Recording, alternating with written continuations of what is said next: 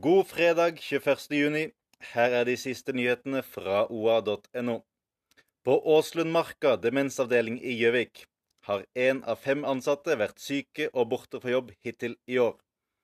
Leder Sissel Skei Bergengen mener sykefraværet på over 22% bl.a. kan skyldes mer utfordrende atferd hos beboerne samt uegnede lokaler.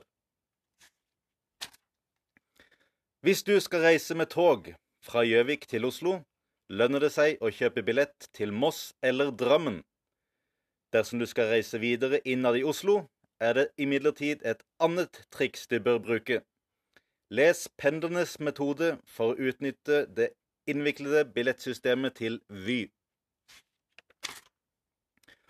Og så kan du se video av, en, av 16 år gamle Selma Panengstuen som serverte en overraskelse på skoleavslutningen.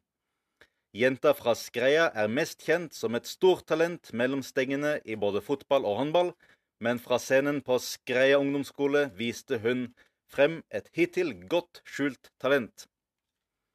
Følg med på oa.no for de siste og viktigste nyhetene fra Vest-Oppland.